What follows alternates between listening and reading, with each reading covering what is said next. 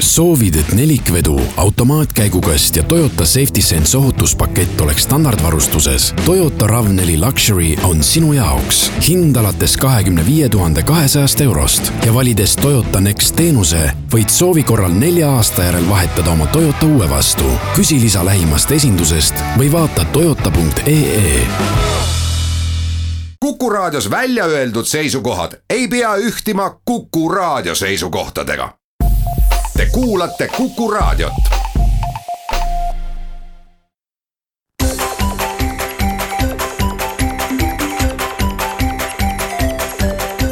maksumaksja koostöös Eesti Maksumaksjate Liiduga. tere päevast, eetris on saade Maksumaksja, mikrofoni ees on Lasse Lehis. täna tuleks äh, uue aasta perspektiivis põhiteema juurde, mis ongi juba sügisel jutuks võetud. Viiesaja eurone tulumaksuvaba äh, tulu, kuidas see uuest aastast äh, rakendub, milleks valmis olla ja kas on ka juba praegu vaja midagi selles suunas plaani pidada või, või asju ümber korraldada. iseenesest algus on ju väga lihtne, et maksuvaba tulu on praegu sada kaheksakümmend eurot kuus, uuest aastast viissada. sellega sarnasused äh, ka piirduvad. Nimelt, äh, kui siiamaani me oleme harjunud teadmisega, et maksuvaba tulu on küll kahetsusväärselt väike, äh, võib öelda, aga ta on vähemalt kõigil alati olemas. oli ta meil siis sada kaheksakümmend ja nüüd me siin kümne euro kaupa oleme teda tõstnud, sada nelikümmend neli eurot oli ta eurole ülemineku äh, ajal abiks seegi. aga meil ei olnud probleeme sellega, et keegi oleks ilma jäänud või kellelgi oleks maksuvaba tulu mingil põhjusel ära võetud. ainus põhjus sai olla see, et kui inimesel ei olegi mingit sissetulekut, mille tulumaksu maksta, siis loomulikult ei ole see maksuvaba osa tema puhul oluline. uuest aastast muutuvadki seetõttu meie maksuarvestuses mitmed väga pikka aega juurdunud põhimõtted. ja see ongi võib-olla kõige suurem murekoht ähm, Maksu- ja Tolliameti jaoks ja, ja palgaarvestajate ja raamatupidajate jaoks. et äh, paljud asjad muutuvad lihtsalt teistsuguseks. harjumuspärane tulumaksusüsteem äh, muutub ja see tekitab lisapingeid, asjatuid muretsemise ja küsimise kohti või ka paraku ilmselt pahandusi ja, ja tülisid võib tõusta ilmaasjata. aga kui nüüd sissejuhatuseks tõstatada küsimus, et kas enne aastavahetust oleks ka midagi mõistlik ära teha, siis äh, tegelikult üht-teist äh, on, sellepärast et nagu me teame, siis maksuvaba tulu hakkab vähenema kuu sissetulekust tuhat kakssada eurot ja kahe tuhande ühesaja euro peal lõpeb ta ära ja sellest saab teha lihtsa järelduse, et kui te teate, et teie sissetulekud on kaks tuhat ükssada eurot kuus ja jutt käib siis kõikidest sissetulekutest, näiteks mitme töökoha peale kokku, arvestades dividende, vara võõrandamist ja nii edasi, et kui see piir igal juhul äh, saavutatakse, ega siis ei olegi midagi teha. siis on äh, vaja lihtsalt uue aasta alguses kirjutada tööandjale avaldus, et palun maksuvaba tulu mitte arvestada ja siis ei ole probleemi, et isegi kui noh, mingisugusel puhkuse või haiguse kuul näiteks juhtub äh, palk väiksem olema, et äh, siis ka nendel kuudel maksuvaba tulu arvesse ei võetaks, siis ei ole ka probleemi, et peaks järgmisel aastal midagi juurde maksma, kuigi usun, et sellise sissetulekute taseme puhul ei tohiks ka see teab mis suur probleem olla. et eelkõige ja, ja, ja teistpidi, kelle sissetulek jääb alla tuhande kahesaja euro, temal ei ole ka vaja midagi muretseda, et on vaja lihtsalt üle kontrollida, kas tööandjal on maksuvaba tulu avaldus kirjutatud ja rohkem midagi tegema ei peagi. kõige raskemas seisus ongi see keskmine osa, kelle tulud jäävad siis tuhande kahesaja ja kahe tuhande ühesaja euro vahemikku. kelle puhul siis võib juhtuda, et iga kuu on maksuvaba tulu erinev ja sõltuvalt sellest, kui palju mingit lisasissetulekuid teenitakse, võib siis tuludeklaratsiooni alusel tekkida tulemaks, tulumaksu juurdemakse. ja kõige halvemal juhul, noh õnneks on see siiski väga kindlate piiridega äh, kogu see arvutus. kõige halvemal juhul tuleb tulumaksu juurde maksta tuhat kakssada eurot ehk siis kuuelt tuhandelt eurolt tulumaks. see on siis äh, maksimum, millest kaugemale minna ei ole võimalik. ja mõned praktilised soovitused kui võimalik on, siis teatavasti maksuvaba tulu suurust hakkab mõjutama ka lisasissetulek ehk ühekordsed tehingud, dividendid kasuvara võõrandamisest, tulu välismaalt. no välismaal töötamine ja, ja noh, tihti ka dividendi saamine ei ole sellised asjad, mida inimene ise väga mõjutada saaks. küll aga vara müük, et kui eh, näiteks eh, on plaanis metsa müüa või, või mingi kinnisvara, mida ei kasutata elukohana, siis eh, võiks selle tehingu ära teha veel aastal kaks tuhat seitseteist ja tulumaksu siis ära maksta nüüd selle aasta eest, siis ei mõjuta need laekumised enam järgmise aasta maksuvaba tulu. metsamaterjaliga on veel üks äh, asi, mida võib arvestada, nimelt äh, metsamaterjali müügil kehtib erikord, mis võimaldab äh, kuni kolm aastat seda kasu edasi kanda. ja siin on näiteks otsustamiskoht nendel, kes on näiteks eelmisel aastal müünud või sellel aastal müüvad metsa, saab teha valiku, kas äh, kanda see tulu edasi järgmisse aastasse või lasta ära maksustada veel sellel aastal. kui varem oli pigem kõigi huvi lükata see maksu maksmine nii kaugesse tulevikku, kui, kui vähegi võimalik ja, ja raha enda käes hoida.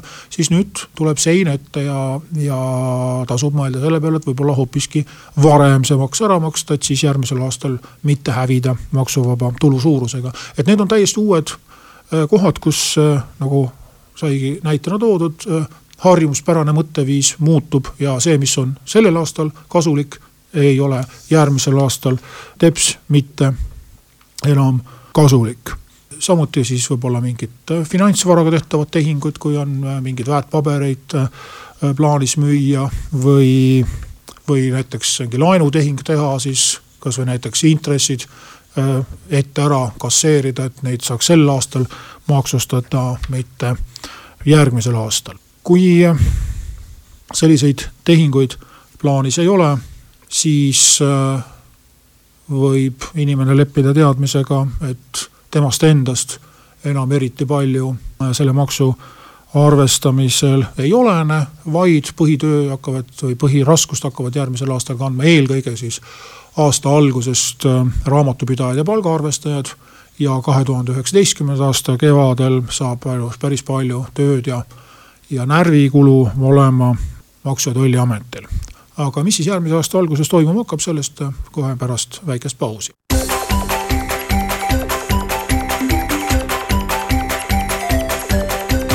maksumaksja koostöös Eesti Maksumaksjate Liiduga saade Maksumaksja jätkab teemal viiesaja eurone maksuvaba tulu, mis meil siis uuest aastast hakkab teistmoodi olema. Need inimesed, kes käivad tööl ja kes on oma töökohale esitanud maksuvaba tulu arvestamise avalduse, tegelikult ei pea tegema mitte midagi, sellepärast et vana süsteemi järgi esitatud avaldused nii palju, kui keegi üldse neid märganud on, need kehtivad edasi. lihtsalt ähm, varem olid nad siis saja viiekümne nelja euro peale nii-öelda rihitud või saja viiekümne neljast eurost kuni saja kaheksakümne euroni, nii nagu nad meil siin järk-järgult tõusid. siis äh, uuest aastast on see maksuvaba tulu viissada ja reegel on siis selline, et kui seaduse järgi maksuvaba tulu ei saa olla nii suur kui viissada, siis peab raamatupidaja ise arvutama välja selle õige summa. kui äh, aga maksumaksja ise tahab mitte rakendada maksimumi, siis alati on võimalik ka paluda kirjalikult siis äh, tööandjale teha avaldus, et äh, palun minu suhtes mitte kohaldada äh, nii suurt maksuvaba tulu, nagu seadus lubab, vaid väiksemat. ja see väiksem tähendab siis konkreetse summa väljakirjutamist. see teeb raamatupidajatele lisatööd mitmel põhjusel, esiteks see avaldust võib muuta iga kuu. iseasi, et miks töötaja peaks seda tahtma iga kuu muuta aga noh, ma toon näite, et kui no näiteks puhkus, siis võib juhtuda selline asi, et puhkuse kuul ei olegi väljamakset äh, tehtud ja järgmisel kuul on siis topelt puhkusetasu ja, ja, ja palgamakse ja siis võib juhtuda äh, nii, et äh, tänu sellele jõnksule võib tekkida ühel kuul võimalus siis rakendada suuremat maksuvaba tulu ja järgmisel kuul jälle selle võrra vähem. ja et sellist jõnksu ära hoida, siis peaksid töötajad ise selleks valmis olema ja vastava avalduse kirjutama, kui nad seda ei tee, siis peab raamatupidaja võtma iga kuu täpselt selle numbri, mis sellel kuul on. kuigi raamatupidaja võib teada, et aasta lõikes tuleb teine tulemus sest raamatupidajal eeldatavasti on info, kuidas puhkusetasud, kuidas lisatasusid arvestatakse, aga kui tööandja, kui töötaja, vabandust, kui töötaja ei ole andnud kirjalikku nõusolekut, siis raamatupidaja peab täpselt iga kuu igale töötajale arvutama nii palju, kui seadus lubab maksimaalselt. sest kui tööandja omavoliliselt, küll mõeldes, et ta teeb töötajale head, hoiab ära töötaja siis sellest õnnetusest, et töötaja peab järgmisel aastal tulumaksu juurde maksma, omavoliliselt peab rohkem tulumaksu kinni, siis tegelikult tööõigus ei luba seda ühepoolselt teha ja võib juhtuda hoopis teine pahandus, et töötaja läheb kaebab töövaidluskomisjoni ja nõuab palgavõla väljamaksmist. nüüd siit jõuame me teise teemani, et äh, kas raamatupidajad peaksid hakkama siis töötajate eest neid arvutusi tegema ja jagama soovitusi et sul oleks kasulikum nüüd kirjutada avaldus neljasaja euro peale ja mõnel kuul äh, siin hoopis avaldust mitte kirjutada, et äh, see on nüüd äh, selles mõttes väga, väga raske koht, et esiteks raamatupidaja produtseerib nagu endale tööd juurde ja siis veel õpetab töötajaid, kuidas nad raamatupidajal seda tööd juurde produtseeriksid. et vaevalt tööandjad seda lisakoormust on nõus kinni maksma, nii et väikefirmades on tõesti üks olukord, kus on neid asju võib-olla lihtsam omavahel arutada ja kokku leppida ja suurtes firmades pigem nii nagu programmid neid asju arvutavad, nii on ja nii hakkabki olema ja töötajad peavad oma probleemid ise lahendama. iseenesest ju, kui need jõnksud nagu kõrvale jätta, mis nüüd tulude erinevusest äh, tekivad, siis maksimaalne kaotus äh, tänasega võrreldes või, või õigemini vana korraga või nii-öelda reformieelse korraga võrreldes oleks olnud kolmkümmend kaheksa eurot kuus. sellepärast, et äh, plaanitud oli ju maksuvaba tulu järgmisel aastal sada üheksakümmend eurot ja kõrgepalgalised kaotavad siis selle sada üheksakümmend eurot, nii et kui maksuvaba tulu on null, siis palk väheneb kolmkümmend kaheksa eurot kuus. et kui seda nagu vaadata, siis ei tohiks ju iseenesest teab mis hullu probleemiga tegemist olla. aga just see töökoormus, see ebaselgus, et kellel siis, mismoodi see maksuvaba tulu kujuneb, see ongi põhiline, mis meile muret valmistab. ja praegu rääkisin ma igakuisest arvestusest aga teine asi, mis nüüd meie harjumuspärast sellist mõttemalli muudab, on see, et tulumaksu tagastused, mis iga kevad tulevad, jäävad väga paljudel inimestel oluliselt väiksemaks. ja paljudel asendub see hoopiski juurdemaksega. ja väiksemaks jäävad need tagastused sellepärast, et kui üldine maksuvaba tulu kõigil suureneb, siis on ka makstud tulumaksu summa selle võrra väiksem ja kui tulumaksu on vähem makstud, siis on ka vähem tagasi saada. ehk siis, kui inimese sissetulek jääbki alla viiesaja euro, siis ei ole ta, siis ta järgmisel aastal ei olegi enam ühelgi kuul tulumaksu maksnud. ja kui ta praegu saab tulumaksu kevadel tagasi, siis järgmisel aastal saab ta sellesama raha tegelikult kohe palgapäeval kätte. aga ma kardan, et suurem osa inimesi ei oska niimoodi mõelda, et miks nüüd kevadel enam raha tagasi ei saa. et ma olengi selle raha juba kätte saanud, et see ongi minu raha.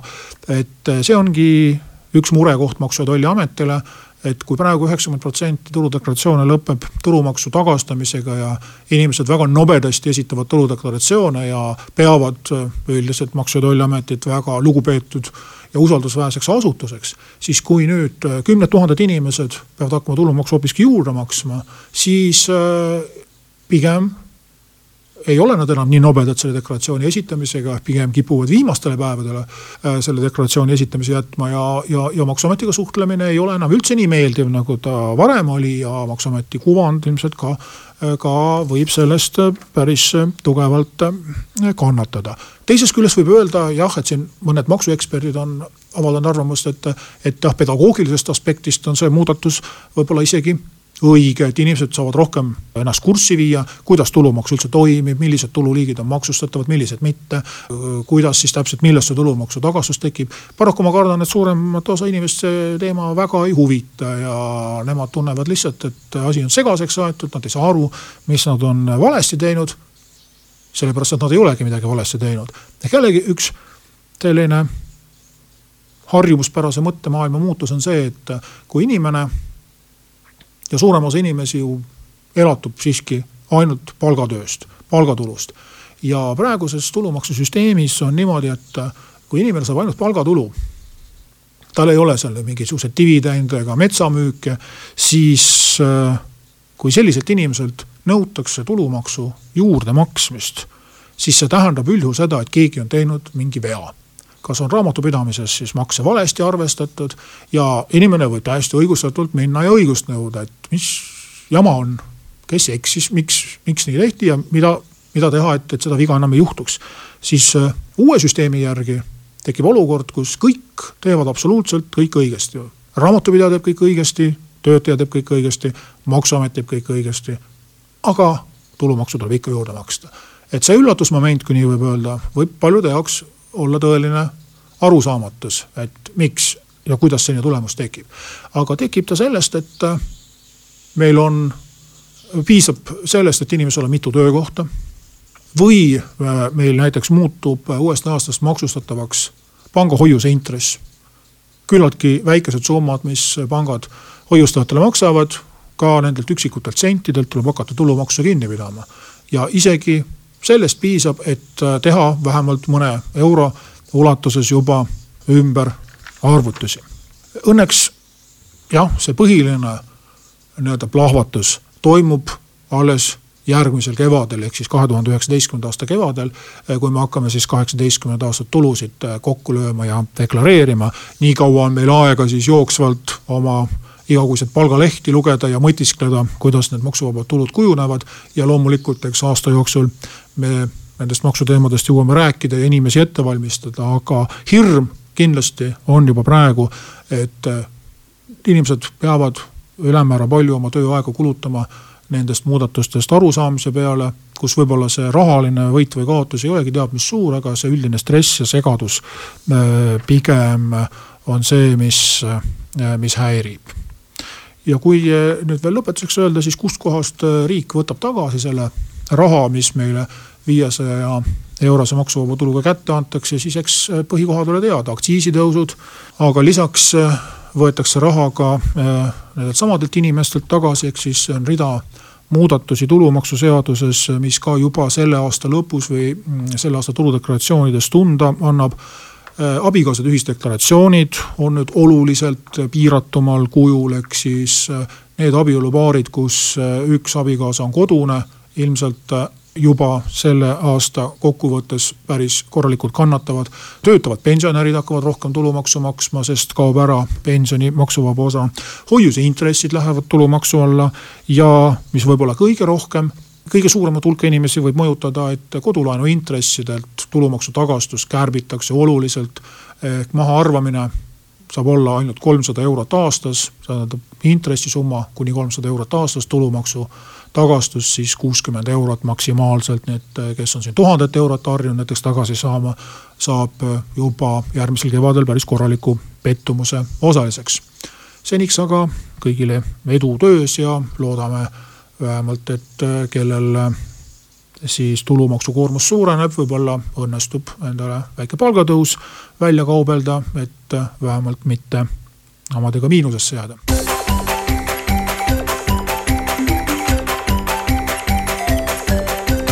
maksumaksja koostöös Eesti Maksumaksjate Liiduga